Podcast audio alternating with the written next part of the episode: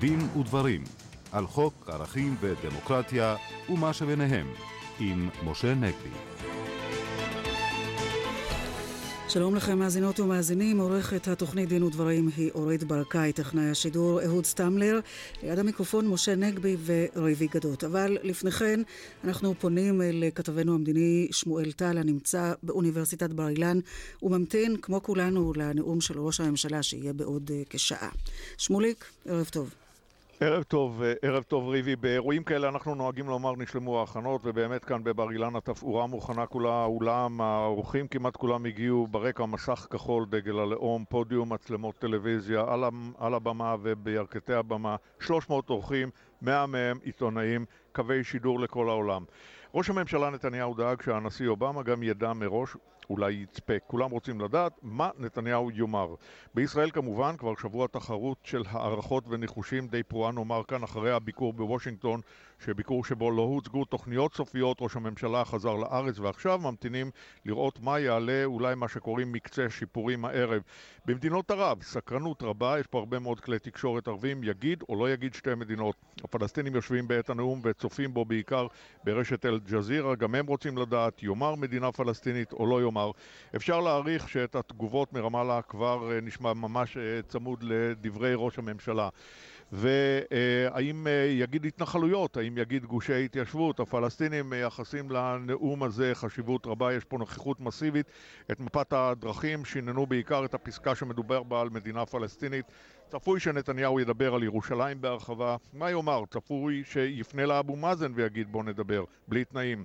התקשורת הזרה, אנחנו כאן אמרנו בנוכחות מלאה, דני סימן, מנהל לשכת העיתונות הממשלתית, מטפל בה.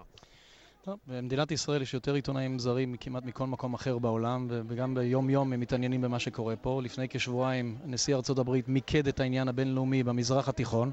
בעולם מרגישים שקיבלו את התשובה הערבית להצעתו, לעמדתו של הנשיא אובמה אתמול. עכשיו כולם, עיני כל העולם למעשה נשואות בעוד כשעה למה תהיה התגובה הישראלית לנאום אובמה. ואנחנו רואים פה את המצלמות ואת הצוותים. נאום ראש הממשלה בעוד שעה אמרנו נאום חובק עולם, יעלו בו כל הנושאים כולם. האיומים האזוריים, איראן, עזה, ענייני פנים, איך ראש הממשלה יזכיר את הצרכים של ישראל הביטחוניים קודם כל. אנחנו כאן בשמונה ועשרה נביא את הנאום, אריה גולן באולפן, אנחנו כאן בבר אילן, דיווחים, פרשנויות. עד כאן עם אלעזר צנדקוביץ' וזקי אגוזי ויוסיפוב בדים. נשוב אליכם לאולפן ותחזרו אלינו כאשר הנאום יתחיל. תודה רבה לך שמוליק טל, וכאמור בעוד כשעה ראש הממשלה נתניהו אמור להתייחס בנאומו לדרישת הנשיא אובמה לאמץ את עקרון שתי המדינות לשני עמים. על גלגולי העיקרון הזה והדילמות המשפטיות והערכיות הכרוכות בו מאז אימץ אותו האו"ם בהחלטת החלוקה של 1947 ועד היום. נדון מיד עם אורחנו באולפן, הפרופסור שלמה אבינרי, חתן פרס ישראל למדע המדינה מהאוניברסיטה העברית. ערב טוב לך. ערב טוב ומבורך. הפרופסור רות גביזון, ראש מרכז מצילה למחשבה ציונית, יהודית, ליברלית והומניסטית. ערב טוב, רות. ערב טוב ומבורך. מי שכבר ניצב בעבר בפני דילמות דומות וקיבל ואכף את הכרעתו בנחישות היה ראש הממשלה הראשון, דוד בן גוריון. ועימנו הדוקטור ניר קידר, ערב טוב לך. ערב טוב. מהפקולטה למשפטים באוניברסיטת בר אילן, שספרו החדש, ממלכתיות, עוסק בתפיסותיו העקרוניות של בן גוריון על משפט ודמוקרטיה. אבל נפתח בהערה בשולי ההשעיה שגזר על עצמו תת-אלוף משה צ'יקו תמיר והביקורת שעורר גזר דינו. משה. כן, קודם כל מילה טובה מגיעה על ההשעיה שהזכרת. ההשעיה הזאת, הייתי אומר, היא לא רק נחוצה, היא אפילו חיונית. לא רק כדי שכפי ששמענו, תת-אלוף תמיר יוכל להתכונן להגשת ערעורו, בהחלט דבר חשוב, אלא גם קשה לראות כיצד קצין בכיר שבית הדין הצבאי אמר עליו את מה שאמר, בצדק או שלא בצדק, זה אולי נראה בעקבות הערעור, לגבי יושרו, לגבי יושרתו, לגבי אמינותו, איך אדם כזה יכול לפקד על קורס של מג"דים ולהיות להם מופת, כפי שצריך להיות מפקדו של קורס כזה. לגבי הביקורת על גזר הדין ריבי, אני אומר בקצרה רק זאת, שמענו טענות שבית הדין החמיר ביותר עם תת-אלוף תמיר כאשר הוריד אותו בדרגה. אין ספק שעונש של הורדה בדרגה הוא חמור, אבל בעיניי אי אפשר לדבר פה על החמרת יתר, לאור העובדות שמופיעות אה, בגזר הדין. אני מדגיש את זה, משום ששמעתי היום, גם באופן אישי, מפי סנגורו של תת-אלוף אה, תמיר, וגם הוא אמר את זה בפומבי. לסנגוריה יש השגות על העובדות כפי שהוצגו אה, בגזר הדין. הם טוענים שזה לא תואם את הסיכום שהיה להם עם התביעה לגבי העובדות המוסכמות, אבל אני אומר, על סמך העובדות של גזר הדין, והן צריכות לחייב אותנו עד כשגזר הדין ישתנה, אני חושב שאילו אזרח היה נאשם אה, במסכת עובדות דומה, בכך שהוא נתן ילד בן 14 לנהוג, והילד היה גורם לתאונה, ואותו אזרח היה משקר לגבי זהות הנוהג ברכב, וגם מדיח אחרים לשקר כזה, אני בכלל לא הייתי מתפלא אם אזרח כזה היה מגיע אפילו לעונש אה, של מאסר בפועל. אני חושב שבנסיבות של עובדות כאלה, העובדה שמדובר במפקד בצבא, זה נסיבה מחמירה, זה לא נסיבה מקלה. כי מה, על מה מדובר פה? מדובר פה מצד אחד בלקיחת סיכונים מיותרים לחיי אדם, לתת לילד בן 14 אה, לנהוג אה, ברכב, אה, ואני חושב שכשמדובר במפקד צבא, הציפייה ממנו להקפיד ולהימנע מסיכונים מיותרים בחיי אדם היא כפולה ומכופלת. אולי לא מיותר להזכיר בהקשר הזה את מה שציין עמוס הראל בהארץ אה, בימים האחרונים, שלצ'יקו תמיר כבר הייתה בשעתו הרשעה בבית הדין הצבאי ברשלנות, בפרשה שבה קיפחו את חייהם אה, שני חיילים בלבנון כתוצאה מהתחשמלות. אם כי אני חייב להדגיש, הוא לא הורשע בגרימת מותם, הוא הורשע רק בהתרשלות. שנית, מדובר פה כמובן, שוב, על פי העובדות בגזר הדין, בניסיון טיוח, פגיעה באמינות. כבר דובר על כך שצוער בקורס קצינים שהיה נתפס בחוסר אמינות בדבר קל ערך לאין ארוך מן הדבר שאנחנו מדברים עליו כאן, אה, לא היה מגיע לא רק לא להיות תת-אלוף, אלא היה נזרק מהקורס והיה נפסל אה, להיות אה, מפקד על חיילים. ואולי הערה אחרונה, ריבי, לפני שנשמע גם את דברי אורחינו הנכבדים באולפן, אם הם ירצו, אה, אה, והדבר שאני רוצה לומר הוא, וכמעט לא קיבל תשומת לב מספקת, אה, כתבתנו כרמלה מנשה הדגישה בצדק שבית הדין הוקיע ניסיון טיוח במשטרה הצבאית לכאורה, על פי מה שנאמר לו, העיד חוקר של המשטרה הצבאית שהוא קיבל הוראה מגבוה לגמד את המקרה הזה. להימנע מחקירתו של תת-אלוף תמיר כחשוד, כדי למזער את הנושא, אולי לטאטא אותו מתחת לשטיח. תראי, ריבי, אנחנו לא פעם מתווכחים פה האם צריך לתת לצבא לחקור את עצמו, האם זה לגיטימי שהצבא יחקור את עצמו גם כשפוגעים בפלסטינים, גם כשיש תאונות. בכל מיני הקשרים, והנה בא בית דין צבאי ואומר, משטרה צבאית לא הייתה מסוגלת לחקור בצורה הוגנת, לכאורה כמובן. טוב שהדבר הזה עכשיו נחקר, גם שמחתי לראות שאיש מח"ש אה, גורם אזרחי יצטרף לחקירה, כלומר שלפחות המשטרה הצבאית לא תחקור את עצמה בעניין הזה. ואם אנחנו עוד מעט נשמע לבן גוריון גם מפי דוקטור קידר, אולי אני אזכיר שראש הממשלה הראשון בן גוריון בשעתו הדיח מצה"ל קצין בכיר, אלוף משנה אורי בן ארי, בגלל שהוא לא דיווח שנהג שלו בזז אה, שק סוכר.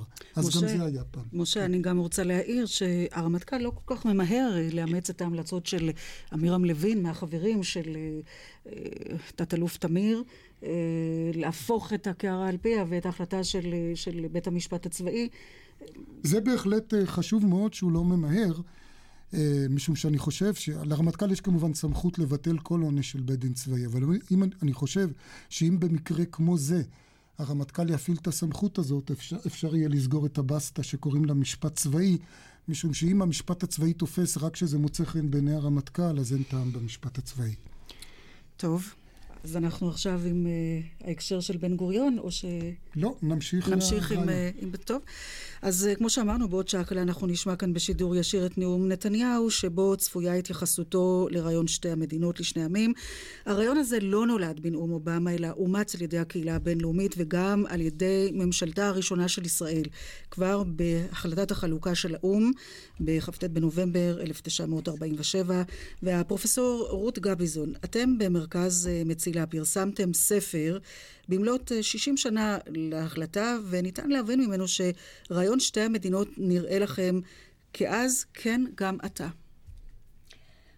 רעיון שתי המדינות אומנם אושר באופן רשמי בהחלטת החלוקה ב-29 בנובמבר, אבל חשוב להגיד שהוא עשה את הופעתו הראשונה הרשמית על במת הסכסוך הזה עם דוח ועדת פיל ב-1937.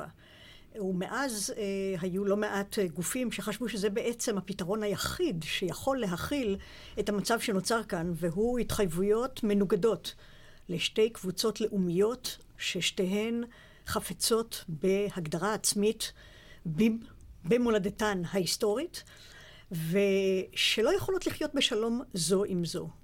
ואכן הפתרון היה או לתת לאחת מהן אה, להשתלט על השנייה, או ליצור מצב פוליטי שבו לכל אחת מהן יהיה מקום שבו היא תהיה רוב, והיא תוכל לשלוט גם על ההגירה, שהיה נושא קריטי תמיד, וגם על הביטחון. כלומר, גם שם בעצם הרעיון היה שהמדינה הערבית, אם היא תקום, היא תקלוט, נאמר, את הפזורה הערבית, אם כי אז היה עוד פחות פזורה. לא הייתה פזורה בכלל. צריך להזכיר את הנקודה הזאת, ואין חשוב ממנה דווקא בימים האלה. דווקא בימים של חוק הנכבה וכל הדברים האלה, חשוב להזכיר שכאשר החלטת האומות המאוחדות התקבלה, לא היית, היה צריך לעשות שום עקירה, שום עקירה. הייתה הבנה מסוימת שיכול להיות שתהיה העדפה אצל חלק מן הקבוצות לעבור ממדינה, ממדינה למדינה, ונתנו להם את הזכות לבחור בדבר הזה. ירושלים, כזכור, לא הייתה מחולקת, חלק, אלא כן. הייתה בינלאומית. בינלאומית, וכל אחד מתושביה היה יכול לבחור לאיזה מהמדינות הוא יכול להיות שייך, וההנחה הייתה שאנשים יבחרו במדינת הלאום שלהם. אבל ההנחה הייתה שהדבר הזה יכול להשתלב עם המצב בשטח. מדינת, המדינה הערבית הייתה אמורה לכלול מיעוט יהודי מאוד קטן, אבל חזק, והמדינה היהודית הייתה אמורה לכלול מיעוט ערבי גדול למדי, אבל מתוך הבנה ברורה שהמדינה היהודית תעשה מה שהמנדט לא אפשר לעשות, תפתח את גבולותיה לעלייה, ולכן תגבש רוב יהודי בשטח המדינה היהודית, שיאפשר לשתי המדינות להיות דמוקרטיות, להגן כל אחת מהן על זכויות האדם הפרטיות והקבוצתיות של בני קבוצת הלאום השני שתישארנה בה, תאפשרנה גישה לכל המקומות הקדושים ותקיימנה הסכם כלכלי פתוח שבו המדינה היהודית קיבלה על עצמה לתמוך במדינה הערבית, מפני שכבר אז המדינה היהודית הייתה מפותחת יותר, עשירה יותר, למרות שהיחסים הדמוגרפיים היו שליש, שני שליש. הרמה של הרווחה... כלומר, בעצם אפשר לומר שההחלטה הזאת של כ"ט בנובמבר אולי גם בישרה את אותו שלום כלכלי שמדבר עליו היום אה, ראש הממשלה נתניהו. היא בעצם יצאה מתוך הנחה שלא יוכל להיות שלום מדיני בלי שלום כלכלי. יותר מזה, ההנחה הזאת הייתה, והיא הייתה נאיבית, כמו שהתברר, סמוך מאוד, והערבים הזהירו מפני זה, ההנחה הייתה שכל עוד כל אחד מהצדדים חושב שהוא יכול לעשות משא ומתן ולאיים ולהפחיד ולקבל יותר, אז לא יהיה שקט.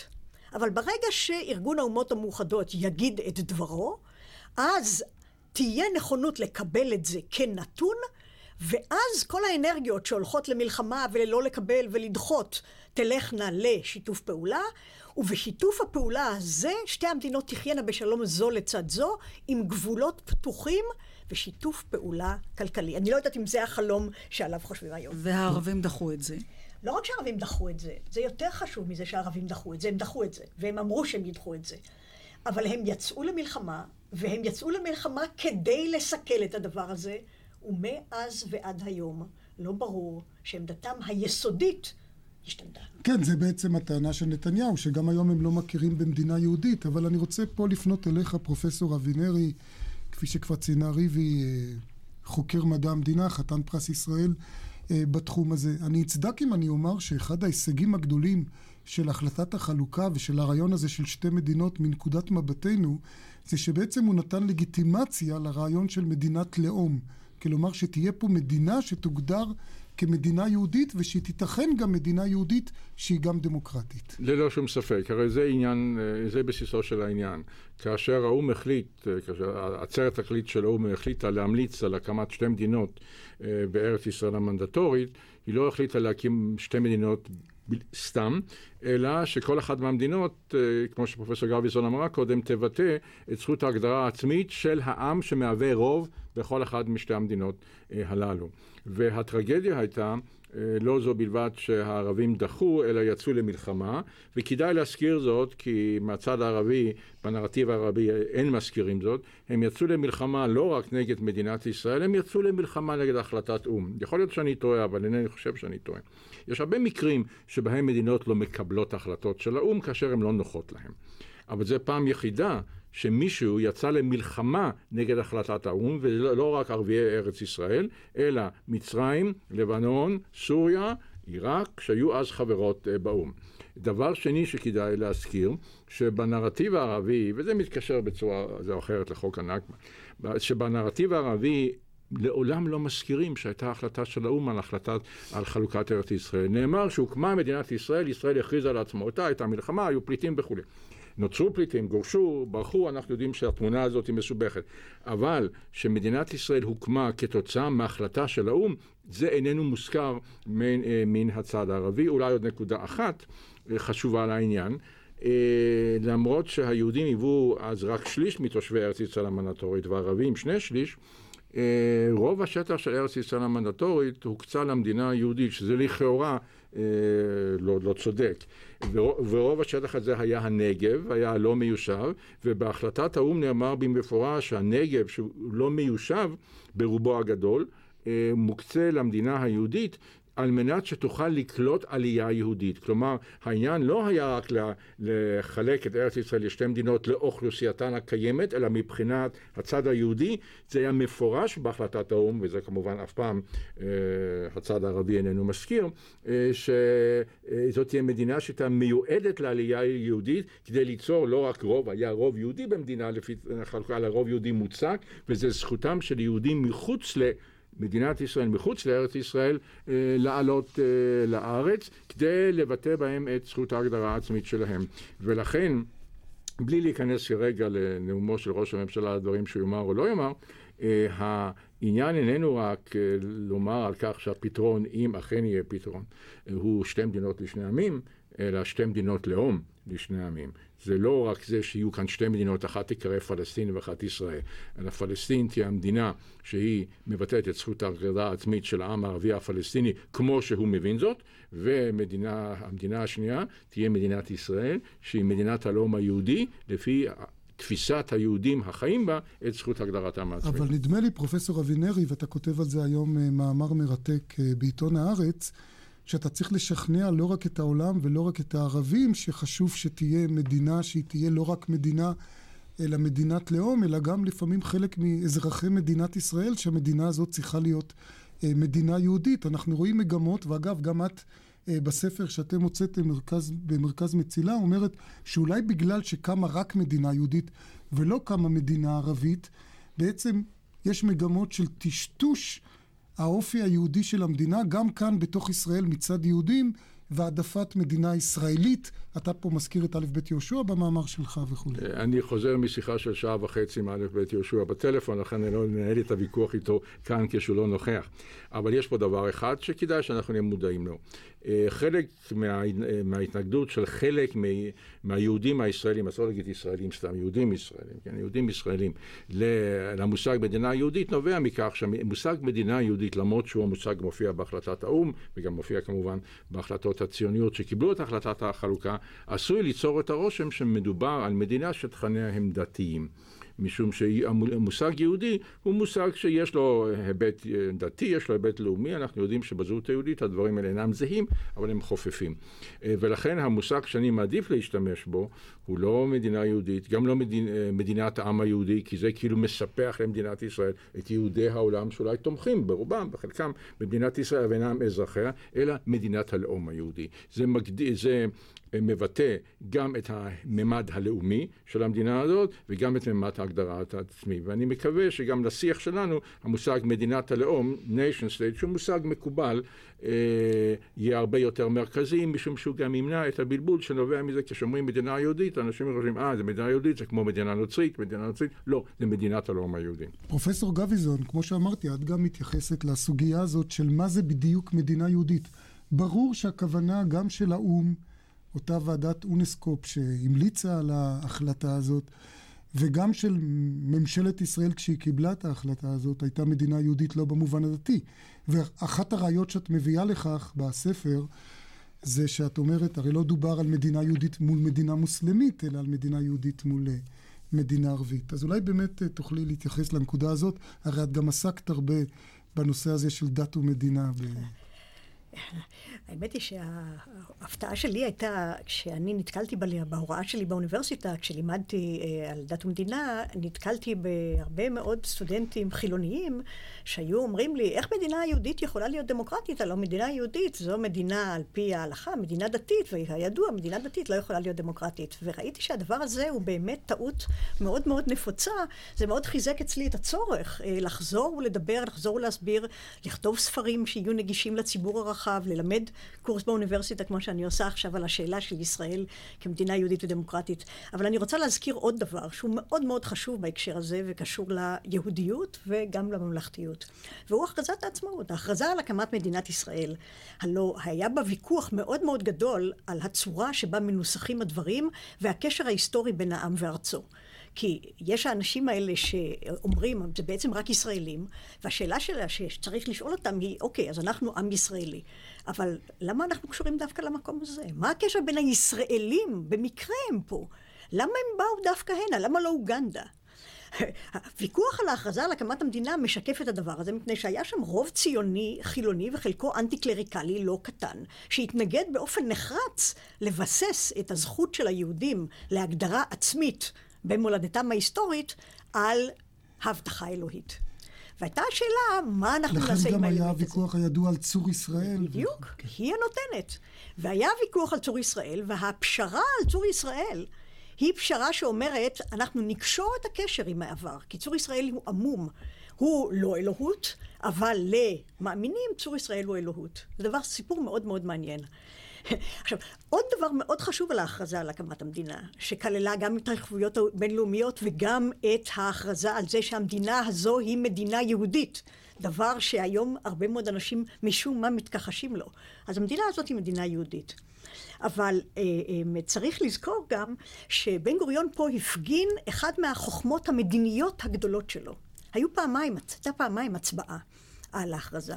כי אחרי הכרזת חלוקה ולפני סוף המנדט, אה, התפתחו פה מהומות, אנשים מאוד מאוד פחדו, האמריקאים בעצם חזרו בהם מתמיכתם במדינה היהודית, והפעילו לחץ לא קטן על ממשלת ישראל, על מועצת המדינה הזמנית, לא להכריז על הקמת המדינה ולהסכים לאיזשהו trusteeship חדש שאולי איכשהו יפתור את הבעיה.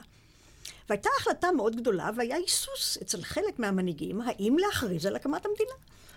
והיה דיון, והייתה הצבעה על הטקסט הזה ועל ההחלטה, והייתה מחלוקת, הייתה מחלוקת משמעותית, ובן גוריון אמר להם מראש, אנחנו נעשה הצבעה, הצבעת אמת. ואחרי שאנחנו נצביע הצבעת אמת ונראה מה יחסי הכוחות, אנחנו נעשה עוד הצבעה. וכתוצאה מזה, ההכרזה על הקמת מדינת ישראל התקבלה פה אחד.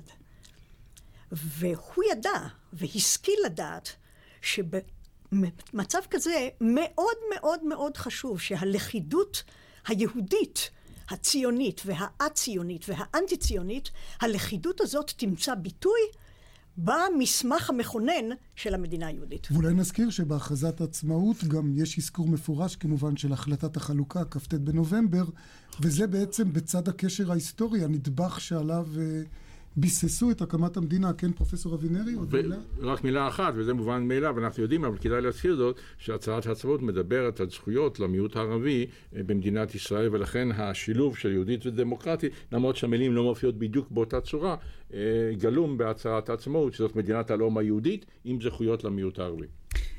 אנחנו אה, נעשה עכשיו הפסקה לשמוע את עדכון החדשות מפי נאוה סביון, בבקשה. שבע וחצי. דין ודברים, אה, משה, אנחנו רוצים עכשיו לברר עם אה, דוקטור ניר קידר אה, על מרות ועל הכרעת הרוב, ימי בן גוריון, כן. בבקשה. אולי קודם, באמת, בהקשר לדברים שדיברנו קודם, דוקטור קידר, מה, למה התכוון המשורר כשהוא אמר מדינה יהודית בהחלטת החלוקה, וזה חוזר היום כמובן עם רעיון שתי המדינות לשני עמים. אתה בספר שלך ממלכתיות, שעוסק בכלל, לראשונה אני חושב כמעט, בתפיסה האזרחית, להבדיל מהביטחונית, של דוד בן גוריון, ברור שהוא לא התכוון, כשהוא דיבר על מדינה יהודית, ליהדות במובן הדתי, הלא כן. ברור, ברור. איך, הוא אולי... התכוון, אה, אפילו קשה לסווג אותו לתוך הרובריקה של יהדות כתרבות, משום שבן גוריון חשב, קודם כל ובראש ובראשונה במונחים פוליטיים. לאומיים. פוליטיים אזרחיים הייתי אומר, אבל שקשורים בעבותות לתפיסה הלאומית. לכן אני מסכים לגמרי עם שני הדוברים הקודמים, אה, שצריך לדבר על אה, מדינת לאום יהודי. זאת גם הייתה המחשבה גם של בן גוריון, אני חושב חלק גדול מהעילית הישראלית אז. אה, הם דיברו על מסגרת מדינתית, וכאשר מדברים על מסגרת, הוא דיבר על מסגרת מדינתית ממלכתית של לאום יהודי. לאו דווקא, זה היה לו ברור לחלוטין שיהדות פה היא לא עניין של דת, אלא היא עניין לאומי, יש ביניהם חפיפה כמובן, אבל אין ביניהם זהות. אבל גם היה לו ברור לחלוטין שהמסגרת הממלכתית האזרחית חייבת להישען על זהות יהודית. כלומר, שלא תיתכן לא ממלכתיות, ואגב, גם לא דמוקרטיה. אנחנו נוטים לשכוח את העניין הזה, אבל דמוקרטיה בעולם המודרני מבוססת במידה רבה על לאומיות. הלאומיות הרי יוצרת איזשהו קשר כמו מסגרת. משפחתי אולי, בין הרבה מאוד מיליוני אנשים שהם אה, רחוקים אחד מהשני, שלא מכירים אחד את השני, ואותו קשר אה, אה, בין כל האנשים הללו הוא קשר שמאפשר את המסגרות אחר כך האזרחיות והדמוקרטיות. ולכן לבן גוריון, למרות שהוא מדבר על ממלכתיות, מדבר על מסגרות אזרחיות, ברור לו לחלוטין שהמסגרות האלה נשענות על לאומיות יהודית. זה דבר אחד, לא צריך לפגום בדבר האחר. וגם לא צריך לפגום בכך שיהיו זכויות כמובן למיעוט הערבי. משום שלכל, בכל מדינת לאום ישנם גם uh, מיעוטים ששייכים ללאומים אחרים. פרופסור אבינרי, אתה כבר uh, הבהרת לנו למה חשוב לנו ובאינטרס שלנו שאכן יעוגן העיקרון הזה של מדינת לאום יהודית לצד מדינת לאום ערבית, ושזה אכן יהיה הפתרון. אה, איזה ציפיות יש לך, אם כך, מהנאום של ראש הממשלה? אפשר להניח שהיית רוצה שהוא יאמץ את העיקרון הזה? אתה מצפה שהוא יעשה את זה? אולי מילה אחת לפני שנדבר על ראש הממשלה הנוכחי, על ראש הממשלה הראשון והדבריו של אה, דוקטור קידר. אני חושב שבספר יש משהו מאוד מאוד חשוב, שבו אני אולי פעם חלקתי עליו, אבל היום אני חושב שדוקטור קידר צודק. וזה שמושג הממלכתיות אה, של, אה, שבן גוריון השתמש בו, אנחנו, בייחוד אלה שבתקופת מן היסוד, חלקו על בן גוריון, זיהו את המושג ממלכתיות עם מושג האטטיזם, שהמדינה משתלטת על כל הארגונים הוולונטריים וכולי. ואני חושב שדוקטור קידר מצליח להעלות בספר טענה שאני חושב שהיא נכונה, שצריך להבין את מושג הממלכתיות במושג, במשמעות של רפובליקניות אזרחית. ואין לנו מושגים לדברים האלה, המושג רפובליקניות זר לנו, והמילה ממלכתיות גם לא ניתנת לתרגום קל לשפות אה, זרות. אחרות. אחרות, ואני חושב שזו נקודה חשובה וזה חישוב, אה, חידוש חשוב מאוד בספר, ובאמת אני שמחתי לקרוא את הדברים האלה, למרות שכמו שאמרתי לפני הרבה הרבה שנים אני חשבתי אחרת בהבנת אה, תפיסתו של בן גוריון, אני חושב שאני טעיתי. עכשיו לגבי עניין נאומו של ראש הממשלה. אה, זה לא סוד שאני לא בחרתי אה, בנתניהו לראש ממשלה, ואני הייתי רוצה לראות בישראל ממשלה אחרת. הוא גם לא התייעץ איתך לפני הנאום. בוודאי, יש פה שבעה מיליון אזרחים, למה שיתייעץ דווקא איתי? אבל אה, בתור אזרח מדינת ישראל, אני רוצה לומר מה אני מצפה. אני לא מצפה שהוא יבטא את מה שאני חושב פוליטית, כי העמדות שלנו שונות. אני גם חושב שגם אם ראש הממשלה יאמר אה, שהוא מקבל את עקרון שתי מדינות לשני עמים, דבר שאני הייתי מאוד מברך עליו, אינני חושב שזה יפתור את הבעיה. הממשלה הקודמת, ממשלת אולמרט לבני אה, ברק, אמרה את הדברים האלה, ניהלה משא ומתן עם הצד הפלסטיני, וטוב שהיא ניהלה משא ומתן, ולא יצא מזה שום דבר. כי הרי המחלוקת היא לא על המושגים, אלא על נקודות מאוד עיקריות, כמו גבולות, אה, התנחלויות, פליטים, ירושלים וכולי, ועל זה יש מחלוקת. מחלוקות אמיתיות, גם העמדה הישראלית המתונה ביותר והעמדה הפלסטינאית המתונה ביותר. כך שלא נחשוב שאם אומרים משפט מסוים אז בא לציון גואל, זה לא כך. אבל יש דבר שהייתי מצפה מראש הממשלה אה, לעשות, אינני יודע אם יעשה זאת או לא, אני אדון את הנאום שלו לפי זה. שזה יהיה נאום מדיני ולא נאום הסברתי. כלומר, שלא יסביר לנו למה זה, זה לא ולמה זה לא ולמה זה לא. והמפלגה שראש הממשלה מייצג אותה, הליכוד, כבר שנים מסבירה למה לא ולמה לא ולמה לא להרבה דברים, אני יכול לחלוק על זה, אבל אני חושב שזכותם של אזרחי ישראל לדעת... מה לא, כן? מה כן? אם אתה, לא, אם אתה חושב שהפתרון איננו שתי מדינות לשני עמים, אז תגיד לנו מה הפתרון. לספח את השטחים, לתת להם איזה... כאן בנקודה הזאת, פרופסור אבינרי, אחד ההתנגדויות, ל... או אחד הסיבות שבן גוריון ואחרים תמכו בהחלטת החלוקה, זה לא כל כך בגלל שהם התלהבו ממנה, כי כולנו יודעים שהגבולות אז היו באמת כמעט בלתי אפשריים, אלא בגלל שהחלופה באמת הייתה, הם חשבו מה כן, והחלופה הייתה, ונדמה לי גם היום, מדינה אחת, שהיא תהיה דו-לאומית בהכרח, וכולנו יודעים שהיום הדבר הבא שיכול לקרות, אם לא יהיה פתרון של שתי מדינות לשני עמים, זה שיבואו אלינו עם הסיסמה של one man one vote, ואז מה קורה למדינת הלאום? תראה, אני אינני חושב, שוב, אני לא חושב שהבעיה היא סיסמה שיכולה לבוא, אלא אני חושב שראש הממשלה, אם הוא יאמר לאזרחי מדינת ישראל, את דעתו שלו, זה לא דעתי שלי, אבל דעתו, צריך להתמודד עם השאלה הזאת. האם הוא מודע לכך שבהיעדר פתרון של שתי מדינות לשני עמים, ככל שהוא קשה, אנחנו גולשים בלי הכרזה ובלי מילה, אלא מתוך ההיגיון של המציאות והדינמיקה של המציאות למדינה דו-לאומית. אם זה מה שהוא רוצה, אז יש כאלה שרוצים את זה. אש"ף רוצה את זה, אולי בצורה זו או אחרת. גורמים ערביים קיצוניים רוצים את זה. האם ראש הממשלה רוצה את זה? ואם הוא לא רוצה את זה, אני מצפה מראש הממשלה, לשיטתו, לא לשיטתי, לומר איך הוא רואה פתרון שלא יביא אותנו לגלישה במדרון החלקלק של מדינה דו-לאומית גם בלי שהכרזנו עליה, כי בפועל זה מה שעשוי לקרות, או משהו יותר גרוע, לא מדינה דו-לאומית, אלא משהו שעשוי להתקרב לאפרטהייד. אני מאוד מאוד נזהר במילה הזאת. המצב הנוכחי איננו מצב של אפרטהייד, זה שטויות, כשהנשיא קרטר לשעבר אומר את הדברים האלה, זאת גם בורות וגם רשעות, אבל בהיעדר פתרון, שברור שיש מדינת לאום יהודית מצד אחד ומדינת לאום פלסטינית מצד שני, אנחנו עשויים להידרדר לזה, ואני מצפה מראש הממשלה לומר לציבור לא רק הסברה איך להסביר ואיך לצאת ממצוקות הסברתיות, אלא איך לפתור את זה מדינית. והליכוד במשך שנים רבות לא נתן תשובה לכיוון הזה. פרופסור אבינרי, אני רוצה דווקא להציג לך שאלה. כשאתה לא נותן לעם מסוים את המאוויים הלאומיים שלו, אפשר לעשות משהו עם זה? אפשר לפ... לנהל איזה מדינה שהיא רק על בסיס כלכלי, או רק על בסיס תרבותי, או... יכול להיות דבר כזה. יכולה להיות חצי מדינה, כפי שמציע נתניהו, אולי? תראה, מאחר שאני לא יודע מה ראש הממשלה אומר, יאמר, ואני לא רוצה להתווכח עם ראש הממשלה, עם דעותיו הפוליטיות, שהן לא דעותיי שלי, מה שאני מבקש ממנו זה רק דבר אחד, לא לומר לנו, אני רואה כותרות בעיתונים, לא נס, נסכים למדינת חמאס בגדה. לא נסכים לצבא. יש עוד 80 דברים כן. שאנחנו לא מסכימים עליהם. אבל השאלה היא מה כן.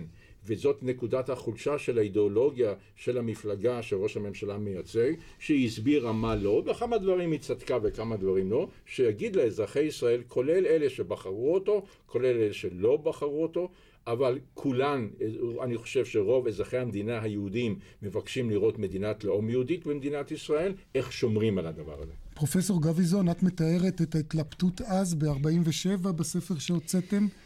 אה, איך את רואה את זה היום?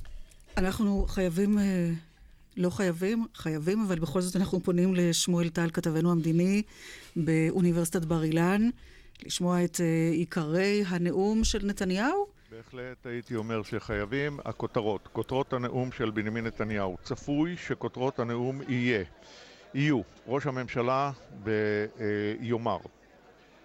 הוא מוכן למדינה פלסטינית מפורזת לצד המדינה היהודית.